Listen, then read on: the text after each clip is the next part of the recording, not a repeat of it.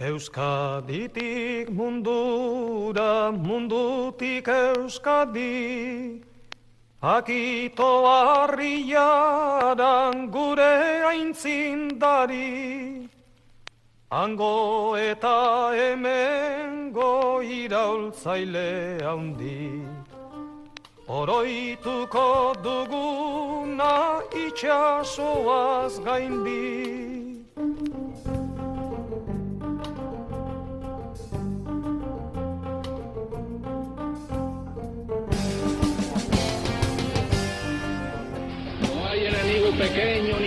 Fuerza desdeñable, porque ya no hay pueblos aislados. Como establece la segunda declaración de La Habana, ningún pueblo de América Latina es débil porque forma parte de una familia de 200 millones de hermanos, tienen el mismo enemigo, sueñan todos un mismo mejor destino y cuentan con la solidaridad de todos los hombres y mujeres honrados del mundo desalambrar, desalambrar, desalambrar, desalambrar, desalambrar, desalambrar, desalambrar, desalambrar, desalambrar, desalambrar, desalambrar, desalambrar, desalambrar.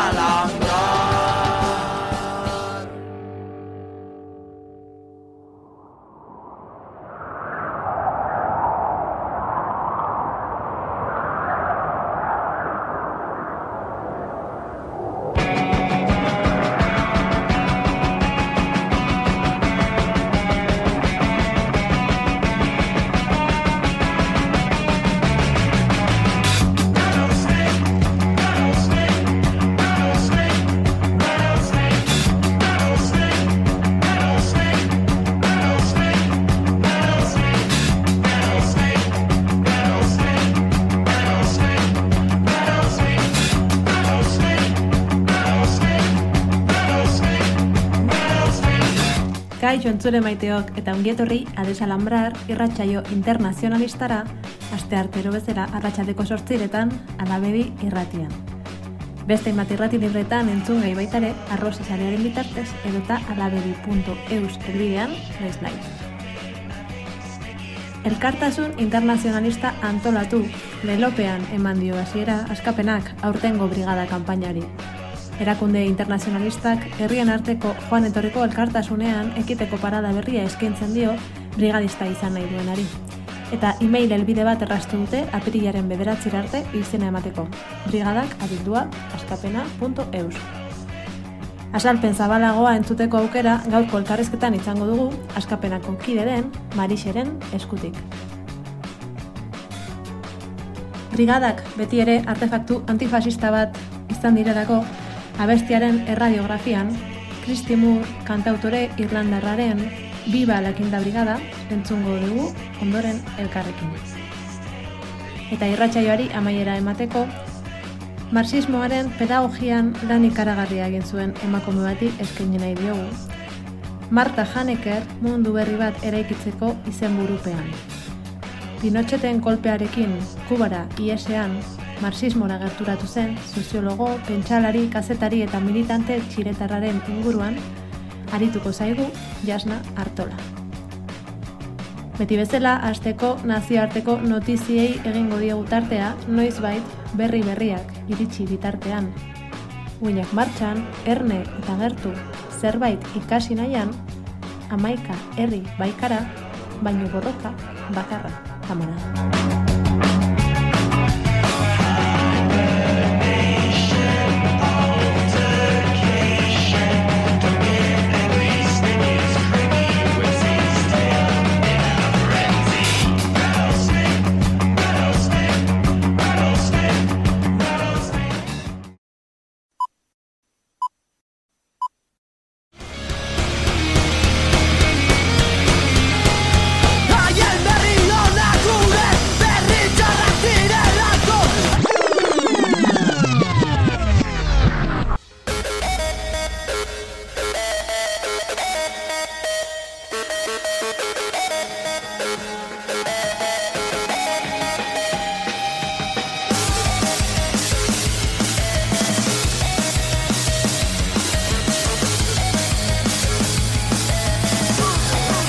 Internacionalista. Israel. La cumbre de la Unión Africana expulsa a la delegación israelí. En 2021, Israel había obtenido el estatus de observador en la Unión Africana, tras décadas de esfuerzos diplomáticos, lo que provocó la protesta de varios miembros del bloque de 55 países que lograron que se revocara la medida, y desde entonces no se había vuelto a hablar de la posible inclusión de Israel como observador en la Unión Africana. En esta última cumbre, la delegación israelí entró a escondidas en el salón en medio de la cumbre hasta que fue expulsada. La declaración final de la cumbre pide el fin de la agresión sionista contra el pueblo palestino, el fin de la de castigo colectivo y del crimen genocidio. Andalucía. Peligran las cooperativas de marinalera, la Junta de Andalucía ha recibido el avaljo para vender a precio de mercado la histórica finca de Lumoso, en Marinaleda, que las luchas jornaleras arrebataron al Duque del Infantado en 1990. Las cooperativas que llevan 30 años trabajando estas tierras no pueden pagar ese coste y tampoco el Ayuntamiento de Marinaleda.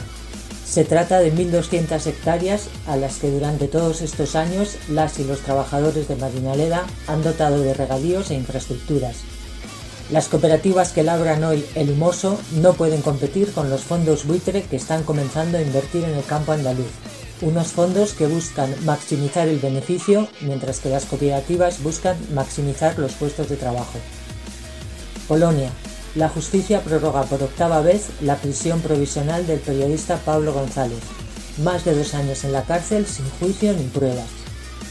Fue detenido el 28 de febrero de 2022 por los servicios secretos polacos cuando informaba muy cerca de la frontera con Ucrania sobre la crisis de migrantes que el conflicto estaba provocando, y fue acusado de ser un espía ruso.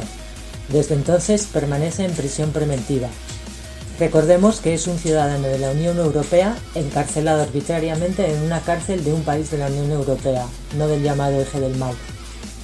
Senegal, Movilización popular contra el aplazamiento de las elecciones.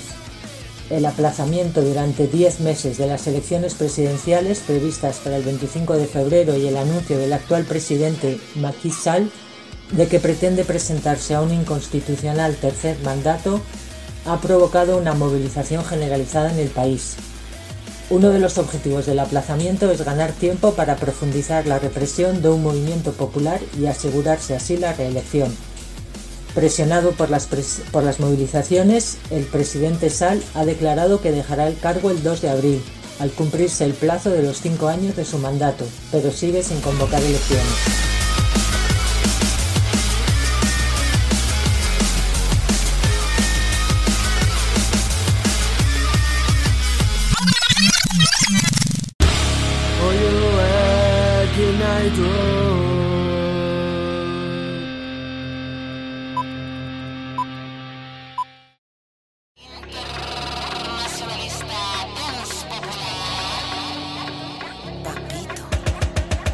A desalambrar entzuten ari zara.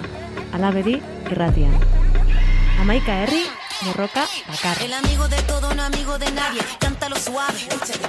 ¿Cómo se hace la clave y el paso la llave para que todo esto se acabe? Todo se cae, todo se sabe, Irak, Haití, Chile combate. A liberar este mundo completo si tocan a uno. Tocan el pueblo.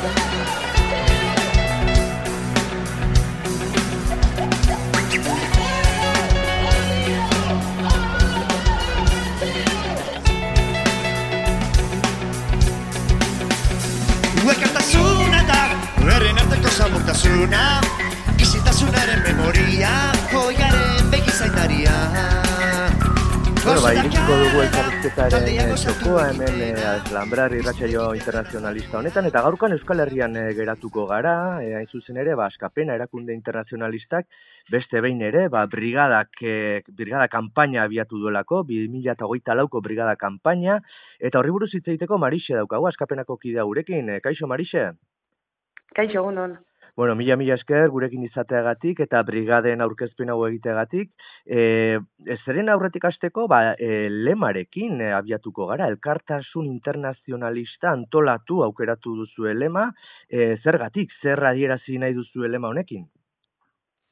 Bueno, ba, aurten e, fokue jarri gure gauen apur bat e, antolakuntza hortan, ez? Azkenien, internazionalismoa ulertzen bogue munduko herri langile desberdinen elkartasun horrekin, ba, kontua da, azken aldixen entzuten dabitzen lema asko badiela, zela baitz utzak ez, e, elkartasun hori, ba, airien geraketan dela eta ez daukola inungo funts politikorik eta ez dela kokatzen, e, bueno, e, nazio azkapeneko estrategia baten baitan, eta horregaitzik bai ikusten gauen, ba, elkartasunez, ba, arteko zubixek ere ikiteko tresna da neinien, e, ezinbestekoa dela horren antolakuntzan bertan e, jartie foku ez, e, elkartasun horren materializazioen. Eta hor barruen zelako garrantzia daukon ez ulertzia elkartasuna hemendik beste munduko herrixen borrokei emuten zeun elkartasun moduan, baizik eta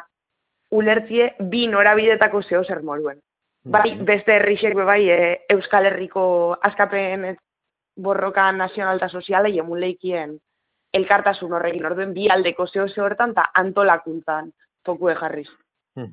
Bai, beti aldarrikatu izan du, edo bintzat azken urtetan, e, askapenatik e, joan etorriko, ez, elkartasun hori, e, eta, eta, bueno, askotan esan da ere, lehen urratxa hemen Euskal Herrian hasten dela, ez? E, zera adierazi nahi duzu horrekin?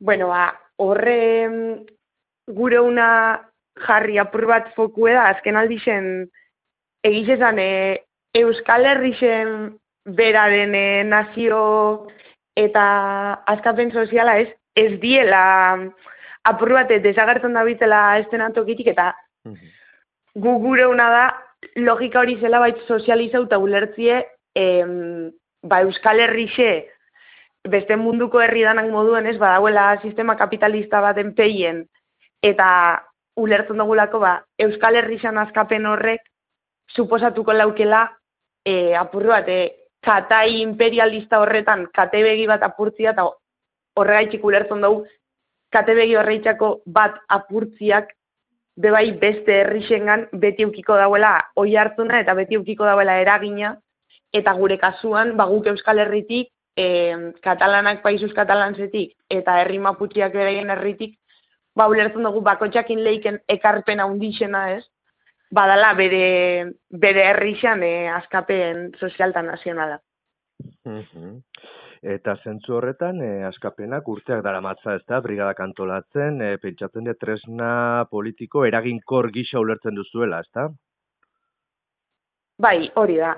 Azkenien apurri bat, ez, badau hori antolatu horretatik e, beba irakurritxa lehen komentau dugun dana gaitxik, ba, ikusten duguna da, e, badala tresna eraginkor bat, ze balixo dau harreman horizontal batzuk esartzeko beste munduko herri langileetako mugimendu mordo batekin, eta horrek itxen duzkuna da, ba, bai gure analizi gaitasuna hobetu, ze ezin dugu ulertu gure realidadia, bestien realidadia ulertu barik, eta bai emuten duzkuna tresna mordo bat, gero, ba, bai borroka moldiak, bai ulerkera motak ez, gero gure herrira moldatuta, ba, borroka efektibu haua e, itxen lagunduko duzkuen akorduen bai, ba, bai uste dugula brigadak badiela e, internazionalismo hori aurrera eruteko oso tresna e, klabe bat e, gaur egun.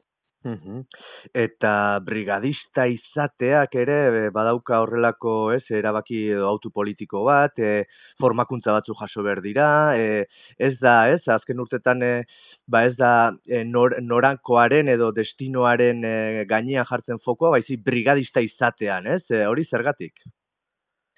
Bai, hori da, ze gure edo apur bat, kendu ideia, ez, e, igual batzuk eukileikena, e, jo, ba, brigadak badiela turismo politiko bat, edo opor politikoki aberazgarri batzuk, eta, eta bueno, e, bat ez behar gizteko, hau ez tala, honek ez diela oporrak, ara lanera soiezela, ara aneotiak esan gure dau, ez da gure esan privilegio bat, baizik eta erantzunkizuna handi bat, eta e, formakuntzekin batez hori gure transmitiru ez? Azkenien, bat, lehenengo eta behin, zure brigada ez da bukatzen inundik inora bueltako egazkein hartzen duzun momentuan, are gehixau horrazten da, zela baitze horrazten zara zu Euskal Herria bueltan etorri eta beste herrixetan ikusita ikasi dozun horretaz danataz, hemen berbetan, hemen sozializetan, eta e, apur bat zilegiztatzen, ez? E, munduko herrixon erresistentzia eskubidia, eta bebai hemen ikusten, aber zelan, anikaz itxakuek zelan lagundu lehiken. Horregaitik, jarten dugu foko hori ez brigadista izate horretan, ze ez da nora zoiezen, ez da argi eukitzea zetara zoiezen. Mhm eta entzuleren bat e, gogotsu bada brigadista izateko edo informatu nahi badu ze urrats jarraitu behar ditu edo nola da brigadista izatearen e, ba prozesu hori Bueno, ba, em, izen ematia zabalik dau momentu hontan apirilak beratzira bitarte, eta um, apur bate brigaden inguruko informazioa gure dago ez, bueno, ba, irakurketa eta, eta pausuak e, azkapenako sare sozialetan e, Twitterren eta webgunian bertan badauko informazioa. Eta bestela ba hau entzuten dabilen edun e, interesa euki eskero idazteko brigada kabildu azkapena.eu zelbidera eta hortxe ba erantzun bat emongo jatie izen e, zalantzak daukiela, izen e, izen emun gure dabiela, eta gero bai, ba, behin em, elkarrizketa bat inda pertsona horrekin ez, ba, ulerteko zert motibatzen dauen e, brigada itxera eta apur bat hori jakina, gero indiko die bai, e, ba, formakuntza batzuk ez, lehen aipatzen gauen formakuntzan garrantzia eta brigadista izatearen beraren garrantzia. Eta Bori, hau brigadara joan arte lusatzen da prozesua da formakuntza bera, eta gero ba, han eta hemen bai lanian jarraitzu biko dagoela, ez da izela pentsa, irubazteko zeo zedala baino hori. Edo zein zalantza edo gogo, em, korre hortara idatitza jasoko da erantzuna. Mm Eta formakuntza horietan, ez? Pixka bat e, irakurtzen ari naiz e, ba, aurkezpeneko ba, kaleratutako goharrean, e, formakuntza saio horietan, ez? Egungo kojuntura aztertzeko eta borrokatzeko beharrak identifikatzeko aukera izango da ez, e, aipatzen duzu, zehazki Europa eta Abiaialako askapen borrokak ezagutzeko ere. E, e pixkat, ez, fokoa jartzen, e, ba, e, bai bertako borrokak, baina baita ere, ba, egungo kojuntura politikoa aztertzeko gai, gai izatea, ez, gaitasun horiek e, e, eskuratzea formakuntza horien bitartez, ez? Bai, hori da, e, ze ulertzen duguna da, e, ez dala nahikua, ez? E, herrialde konkretu baten e, ba, historia jakiteakin, ze gaur egungo kojuntura ulertu barik e, ez dauko inork tresna nahikua irakurketa gaurkotuak itzeko gaitasun eukitzeko, eta herrialde horrein historia politiko horren e, zela bait analizi egokisa itzeko eta ulertzeko gaur egungo kojuntura hortan iraganeko zerk eragin dauen, edo iragan hori ulertzeko moduan e, zelan eragiten den gaur egungo kojunturak eta uste dugu bi arreskoa dela e, bi gauza horreitzan jartzia fokua. Eta, eta bueno, fokoa ere, askapenako borroka ere mua, askotan e, Europan ez, zentratu izan da, ez, askotan aipatu izan da, ez, gure gudu zelaia dela Europa, petxatzen dut aurten ere, ba, brigadak e, ba, Europan izango dutela bere garrantzia.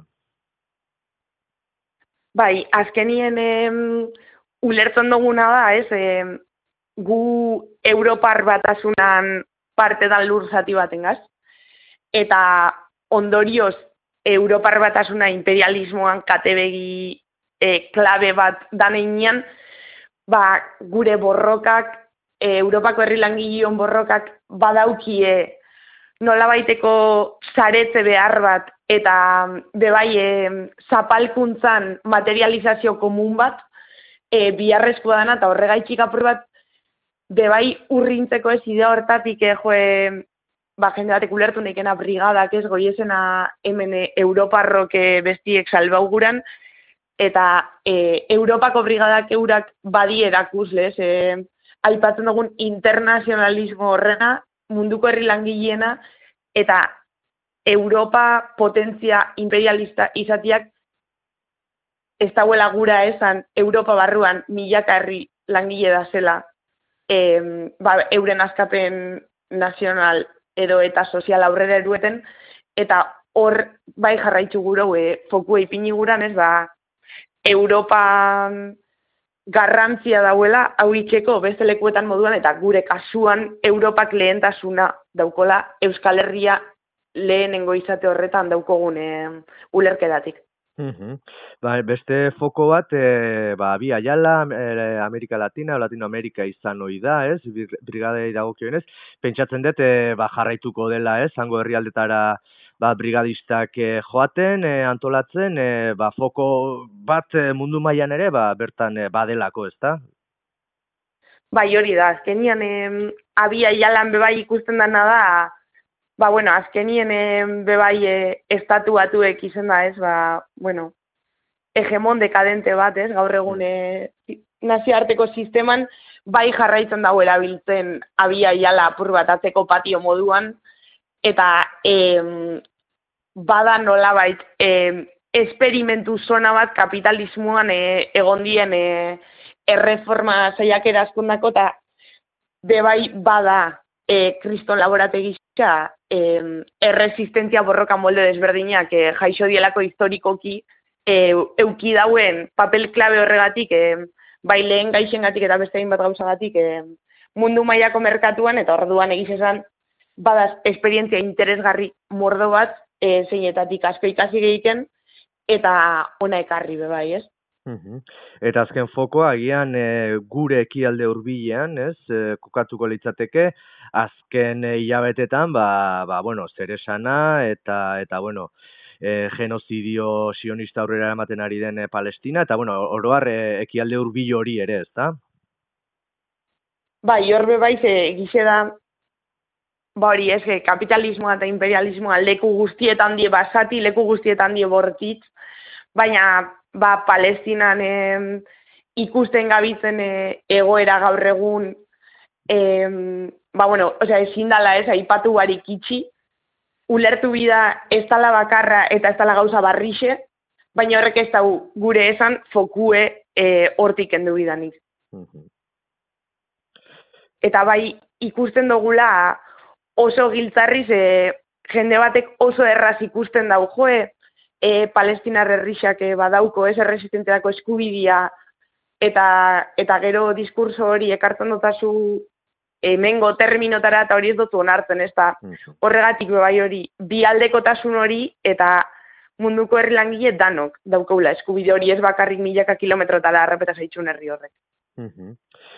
Bueno, Marixe, bukatzen juteko, entzuten dagon entzule hori zalantzatan dena ez, e, brigadak e, pentsatzen dut, ba, udaran izaten direlako, eta gian oraindik urrut ikusten delako, ba, udarako planak, e, zer esango zenieke, nola konbentzitu genitzake, nola animatuko ditugu gure entzuleak brigadetan parte hartzera?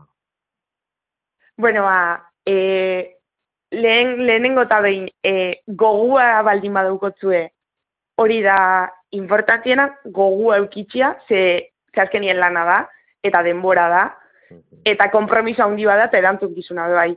Baina gogu eukiezkero, e, udan die, baina orokorrien ez daukie data itxitik. Orduan, beti dau ondo, e, izena emun, eta behin e, antolatzen danean zein joango dan nora, hor e, talde txikitan erabaki hoi da ze data etorten dien hobien, ez? Eta pixkate hango kontrapartiak eh, jarten dituen mugen barruan, baina bai da taldian erabaki leiken zeo zer, eta ez, ez diena data itxixak orduan nik omendatuko nauke, ba, zalantzak eukitxa bebai, edo zein zalantza dauela, korre hori bebai hortarako dau, idatzi galdetu, ezaguten dozuen askapenako militantiekin egon, eta, eta animetako, ze benetan nik uste dute oso esperientzia aberazgarri dela, eta Euskal Herriko borroka internazionalistai asko aportetan dutzola. Eta, eta bueno, ez da brigadatan ezin joan edo, edo zer usteko izan, bita formakuntzak ez, eh, jasotzearen garrantzia eta horrek, eh, ba, bueno, politikoki bai jantzi eta formatzeko ematen duen aukera ere, ez? Hori da, bai. E, azkenian hori komentetan gauen hori ez, e, brigadista izate hori, berdin da. E, aurten zoiezen, berandu zoiezen, edo azkapenako militante bihurtu nahi dozun, bebai, hori bebai entzule aukera bat da, eta e, horre zinbesteko garrantzia duko formakuntzak, eta bai, e, bebai, formakuntza hori jasotzeko eta iguale brigadetako gaiakin aurten ez edo dena dalakua, egoteko adi e, askapenako sare sozialei ze antolatuko die itzaldi desberdinak e, ba, fokuakin e, toki desberdinetan eta gai desberdinetan, baina itzaldi horreik bebai ez, e, badiela formakuntza tresna bat eta baliatu biharko gaukena. Mhm. Bai, kanpaina abiatu da eta orain e, pentsatzen dut, pues herri zerri eskualdez, herri herrialdeka ere aurkezpenak eta hitzaldiak eta bestelakoak antolatzen arituko zaretela, ezta? Bai, hori da, bagabit horrekin apur bat, aurten bai ideia geixau dau begira eragileen gana joatian bertan eta Aha. eragile barruetan azaldu eta eta hor ikusia berre ze interes egon leiken, baina da nabala bai aurre ikusten diela be bai em, formakuntza aldetik. Mm Apur bat hitzaldi batzuk em, bueno, ba, girua berotzen hasteko eta kokatzeko. Mm Oso, ongi, goratuko diegu entzulei, apirilaren bederatzir arte, dagola izen emateko aukera, brigadak abildu askapena puntu eus elbidean, 2008 lauko askapenaren ba, brigadak, elkartasun internazion, internazionalista antolatu lemapean, e, Marixe, bukatzeko, ba, ez da azken hitz bat, ez, hausnarketa, deialdi, zerbait esan azpimarratu nahi baduzu, ba, zurea da hitza. Bueno, ba, esatia, e, zalantzan dazen horrei idazteko korre hortara horbiltzeko militantiei eta eta brigadan e, joatia ez dala modu bakarra borroka internazionalista aurrera eramateko orduan e, izan brigadan bidez edo beste moduren baten e, aporta ugaleike burrukara ba aporta daixela Oso, ongi, basan da gelditzen da. Marixe, mila, mila, mila esker eta besarka da bat. Oso, ondo, eskerrik asko zuei. aio. Agur. Memoria historikoa ez galtzeko naia Ezinbestekoarekin lortzeko lotura Zapurtezuna eta zerrepekulea Ya están aquí las bombas Ya llegaron muchachos Arriba los que luchan ¡Brigadista! ¡Brigadista! ¡Brigadista!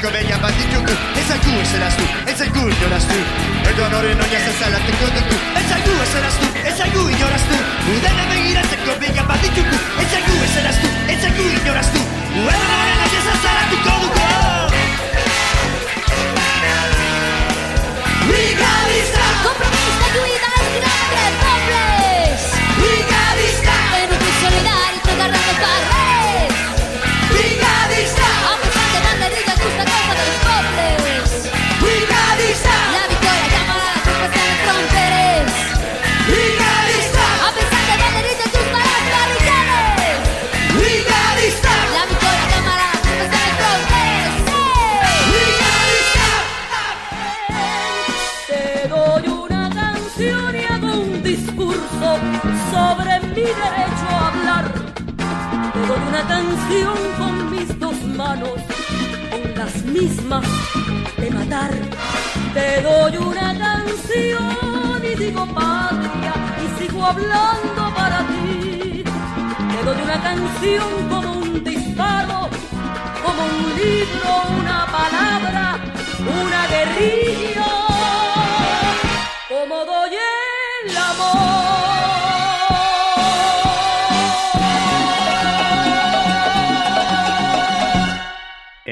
1936, cuando los fascistas dan el golpe de Estado a la Segunda República que da inicio a la guerra civil, gran parte de las personas conscientes y revolucionarias del mundo se dan cuenta que en esa guerra se jugaba el destino del mundo y que el fascismo utilizaría dicha guerra como preámbulo para instalarse en el mundo, como de hecho fue. Y eso se pudo comprobar claramente cuando pues las fuerzas de Hitler y Mussolini acabaron siendo determinantes para el triunfo en la guerra de los franquistas.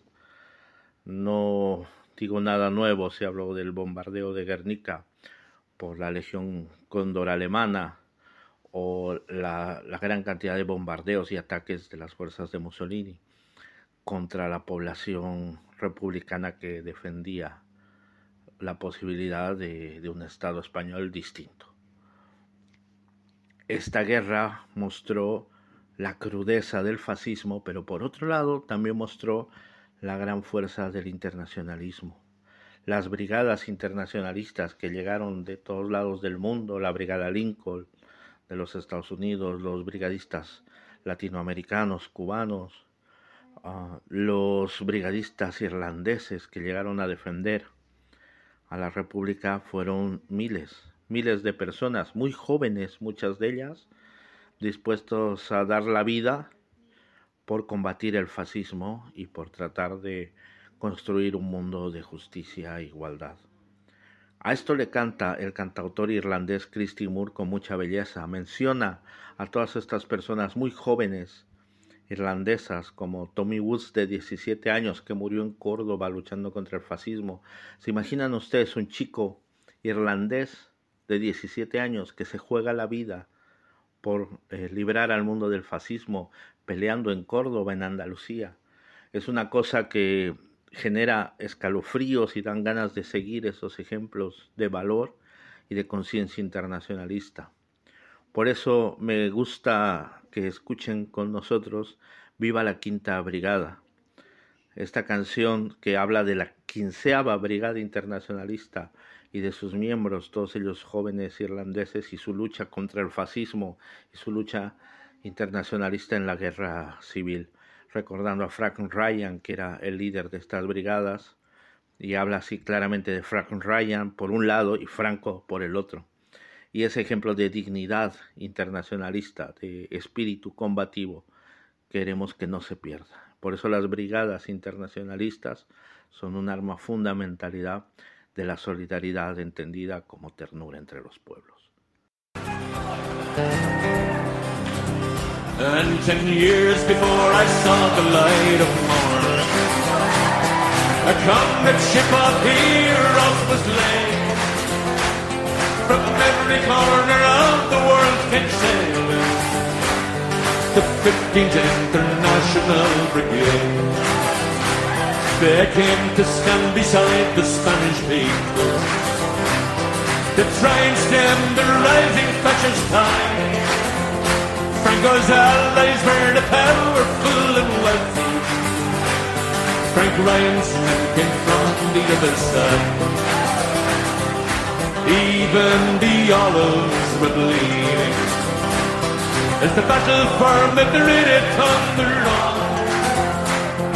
Truth and love against the force of evil. Brotherhood against the fascist love. la Quinta Brigada. No pass around the pledge that made him fun. Adelante is the crier on the hillside.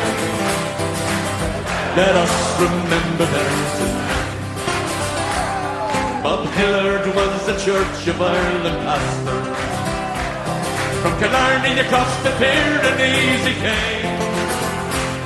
From there he came a brave young Christian brother. Side by side they fought in Spain. Tommy Woods at 17 died in Cordoba. But the Vienna he learned to hold the gun. From Dublin to the Dia del Rio, where they fought and died neath the Spanish sun. Viva la Quinta Brigada! No pass around the pledge that made him fight. Is the hillside. Let us remember. When the Irishman heard the call of Franco, joined Hitler and Mussolini too. The propaganda from the pulpit and newspapers had got Duffy to gather on his crew. And the word came from the church support the Nazis. Then at last they failed again. The bishops blessed the blue shirts down in Galway as they sailed beneath the swastika to Spain. Viva the Quinta Brigada! No pass around the pledge that made a fight. Adelante is the crier of the hillside. Let us remember them And the song is a tribute to Frank Riley. It's Conway and Denny Cody too. Peter Daly, Charlie Regan and Hugh Bonner. So many died again but never few. Danny Boyle, Blazer Brown and Charlie Dundee. Liam Tomlinson and Jim Straney from Short Strand. Jack Nelty, Tommy Patton and Frank Conroy. Jim Foley, Tony Fox and Dick O'Neill. Viva la Quinta Brigada! No passing on the pledge that fun. Adelante the crier of the hillside. Let us remember them tonight. Viva la Quinta Brigada! Let us remember them tonight. Viva la Quinta Brigada! Let us remember them tonight.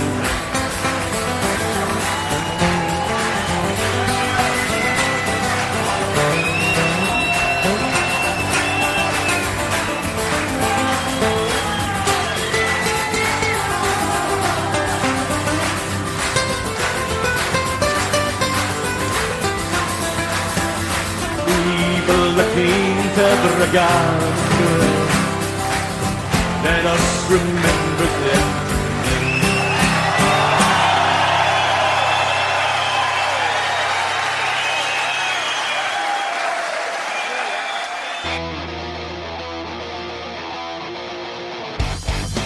A desalambrar. Irratsaio internacionalista.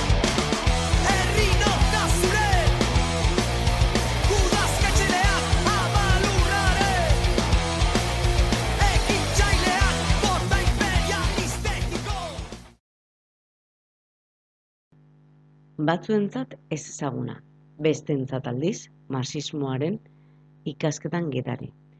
Urrengo minutuetan, Marta Harnecker soziologo politiko, kazetari eta aktivista txiletarraren inguruko gogoetak egingo ditugu elkarrekin. Bere bizitzari sarrera bat egin ondoren, mundu bat eraikitzeko bide berriak 2014an argita, argitaratu zuen bere azken liburuan eskaintzen dizkigun ideiak aztertuko ditugu. Bere burua herri pedagogotzat definitzen zuen. Marxismora Kubara bidaia batek gerturako tuko zuela adierazi zuen hainbat elkarrizketatan. Pinocheten golpe militarraren ondoren, Kuban babesa topatzean bertako iraultza murgilduko zen. Langileetatik langileentzat egindako iraultza eta elkartasuna topatzen ditu bertan, eta barnetik hau defendatzeko beharra. Luis Altuzerrekin ikasketak egin ondoren, Harnecker bere jaioterrira itzuliko zen, eta Salvador Allenderen gobernuaren aurkako golpe militarra gertatu zenean erbesteratu zen. Kuban, Memoria Popular Latinoamerikana ikerketa zentroa zuzendu zuen, eta haren lan zabalak irurogeita hamar titulu baino gehiago ditu gaur egun. Marta Harnecker funtsezko erreferentzia bihurtu zen ezker marxistentzat, irurogeiko hamarkadaren amaieran materialismo historikoaren oinarrizko kontzeptuak liburua argitaratzean. Herriak uler zezakeen hizkuntzara nolabait itzuli baitzituen Marx eta Engelsen ideiak. Bere hitzetan ezin baitzen gert, geratu gauza bat ikasi eta, eta ikusi ondoren inori kontatu gabe. Gizarte mugimendu berriekiko eta horiek politika organikoarekin duten harremanerekiko interesa bere hainbat liburutan islatu, islatu zuen. Ala nola, la izquierda en el umbral del siglo XXI eta la izquierda después de Seattle. Iraultza Bolibartarreren defendatzaile sutsua izan zen. Hugo Chávez Frías, Un hombre, un pueblo Venezuela, una revolución sui generis, liburua ere argitaratuko zuen. Marxismoa instrumentu bezala ikasi zuen, pertsonen arteko elkartasuna ekartzen duen eredu bezala. Gabriela Uriberekin, Cuadernos de Educación Popular eta konzeptos ele elementales idatzi zituen. Herriari idazle klasiko marxisten ideia gerturatzeko asmoz larogeita margarren amarkadan, abiaialako hainbat gobernu iraultzaileren esperientziak ikertuko ditu. Elite akademikoak kritikatu bazuen ere, jarnekerrek mugimendu herrikoiei lotutako analiziak egiten jarraituko zuen, kontraesanak eta gaur egungo arazoi erantzun emanaz. Mundu bat eraikitzeko liburua izan zen bere azken lana. 2019an hil zen Marta Harnecker. Eta liburu honetaz solastuko gara. Esan genezake, aurrera pauso berri bat izan zela Marta Harnerrek aspaldidanik abiarezi zuen hausnarketan. Hogeita bat garren mendeko sozialismora hurbiltzeko gai izango den proiektu politiko berri baten oinarriak fingatzen laguntzeko ibilbide bat egiten digu idazle txiletarrak. Liburua hiru zatitan dago banatuta. Lehenengo zatia Latinoamerika aurrera doa izenekoa. Abiaialan azken urteetan gertatu denari buruzkoa da. Karakazotik, Boliviako uraren gerrak edo 2006ko Txileko ikasle mugimenduaren altxamendu aztertuko ditu. Mapa politikoaren aldaketa, aldaketa hori asaltzen duten mobilizazio sozialak, estatu batuen eta eskualdeko herrialdeen arteko indar korrelazioa nola aldatu den eta lehen potentzia imperial, imperialak azpi, azpikontinentearekin egiten ari den birkolonizazio eta disiplina saiakerak biltzen ditu. Mapa kontekstual eta kronologiko bat egiten digu, gertaerak eta indarren korrelazioa den lotura eginez. Bigarren zatian, nora jo, hogeita bat garren mendeko sozialismoa deiturikoan, jarnekerrek sozialismo hitzak dakarren zama negatiboari buruzko gogoeta egiten du. Eta marxismo klasikoaren pentsamentu originaletik erreskatatu beharreko alderdiak. Baita Latinoamerikako herrialde batzuetan bizitzen ari den transizioaren izaera ere zehazten ditu. Aldaketak bultzatzen dituzten gobernuek jasatzen dituzten muga handiek balintzatutako trantsizioa eta haien zereginak eta aurrerapenak nola paitu behar diren ere hausnartzen du. Azkenengo zatia, hegemonia berri bat eraikitzeko tresna politikoak deitzen da. Bertan, en, hegemonia berri bat eraikitzea ezinbestekotzat jotzen du martak. Demokrazia parte hartzaile eta protagoniko baten bitartez, ibilbide argi bat ardatz duena, eta ez erritmoan fokoa. Herritarrek berea sentitu behar dute prozesua, bere benetako arazoak konpontzen dituena. Mobilizazio jendetsu ugari egon dira azken hamarkadetan. Baina gehienek transformazio soziala eragiterik ez dute lortu. Horretarako instrumentu politiko berri baten beharra azpimarratzen du egileak. Politika ezinezkoa posible egitearen artea dela zioen, eta borroka horretan zapalkuntza ezberdinek tokia behar dutela. Mugimendu sozialek autonomia izan behar dute, eta instantzia politikoaren lana ez da hauek manipulatza izan behar. Topaketa espazioak sortzea baizik, elkar ezagutu eta elkarrekin hastea al, albidetuko dutena. Esker, eskerra sistema kapitalistari aurre egiten dion jendarte alternatibo bat sortzeko borrokan ari diren indarren batura bezala definitu zuen. Hau dena logika humanista eta solidario batetik. Gehiengoaren bihotza eta burua irabaziz lortuko dira aldaketarako kondizioak. Hau egiteko hiru puntu nabarmentzen ditu. Lehenengo, praktikaren bidez proiektua elkarrekin sortzea. Bigarrena, deialdi zabal bat egitea, ezberdintasunetik ongizate kolektibo bat bilatzeko. Eta azkenik, jendearen kritika, hausnarketa eta iniziatibak kontutan hartzea. Kritika eta autokritikaren garrantzia hainbat puntutan azpimarratzen du. Beti ere konstruktiboa izanik, argumentuz egindakoa. Instrumentu politikoaren egin beharrak zerrendatzen ditu ondoren. Herriaren kontzientzia eraldatzea eta honekin proiektu argi bat zehaztea eta hori lortzeko pausuak argi izatea. Proiektu sozialista eta modelu sozialista bereizten ditu. Lehenengoa, Marx eta Engelsen tekstu originalak izanik, eta bigarrena hori gaur egungo iraultzan eta toki e, tokiko e, kausistikan nola ezarri. Horregatik, herriaren parte hartzea, bultzatzeko bideak ezarri eta kuadro berriak topatzeko mekanismoak bilatu behar direla adierazi zuen. Azkenik, kritikarekin jarraiki, garaiz, iraultzaren gabeziak eta akatsak topatu eta konpondu behar direla zehaztu zuen. Amaitzeko, esplotatu eta espot, esplotatzaileak liburutuko zita batekin itxi nahiko nuke kolaborazioa. Iraultza sozialak herri masek egiten dituzte. Masa handien parte hartzerik gabe ez dago iraultzarik. Hori dela eta langileak estea beren kontzientzia maila igotzea da egiteko handienetako bat. Thank you.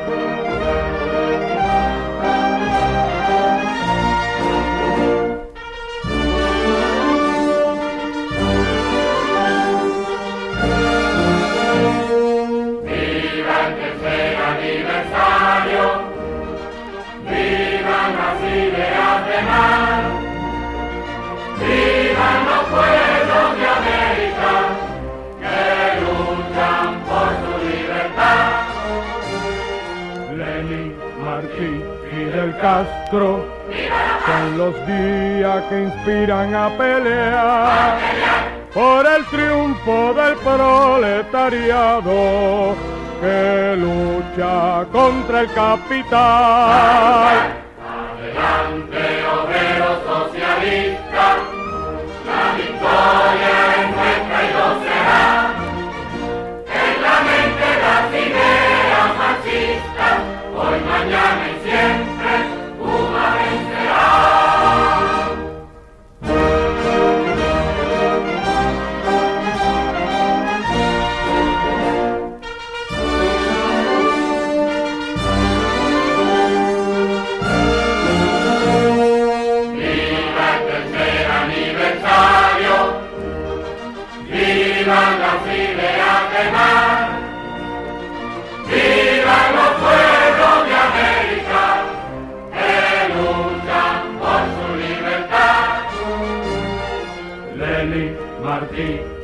Castro los guías que inspiran a pelear por el triunfo del proletariado que lucha contra el capital.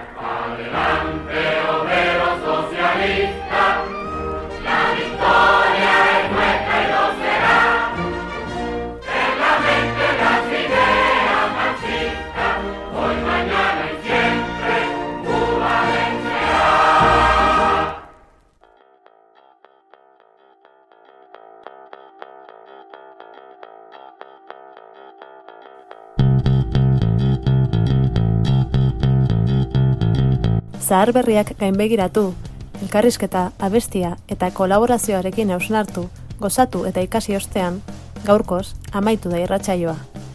Gu datorren astera arte despeditzen gara, baino bitartean, zare sozialetan aurki gaitzakezue, abildua aresalembrar HBen. Jarrai gaitzazue pista, izan, internacionalista.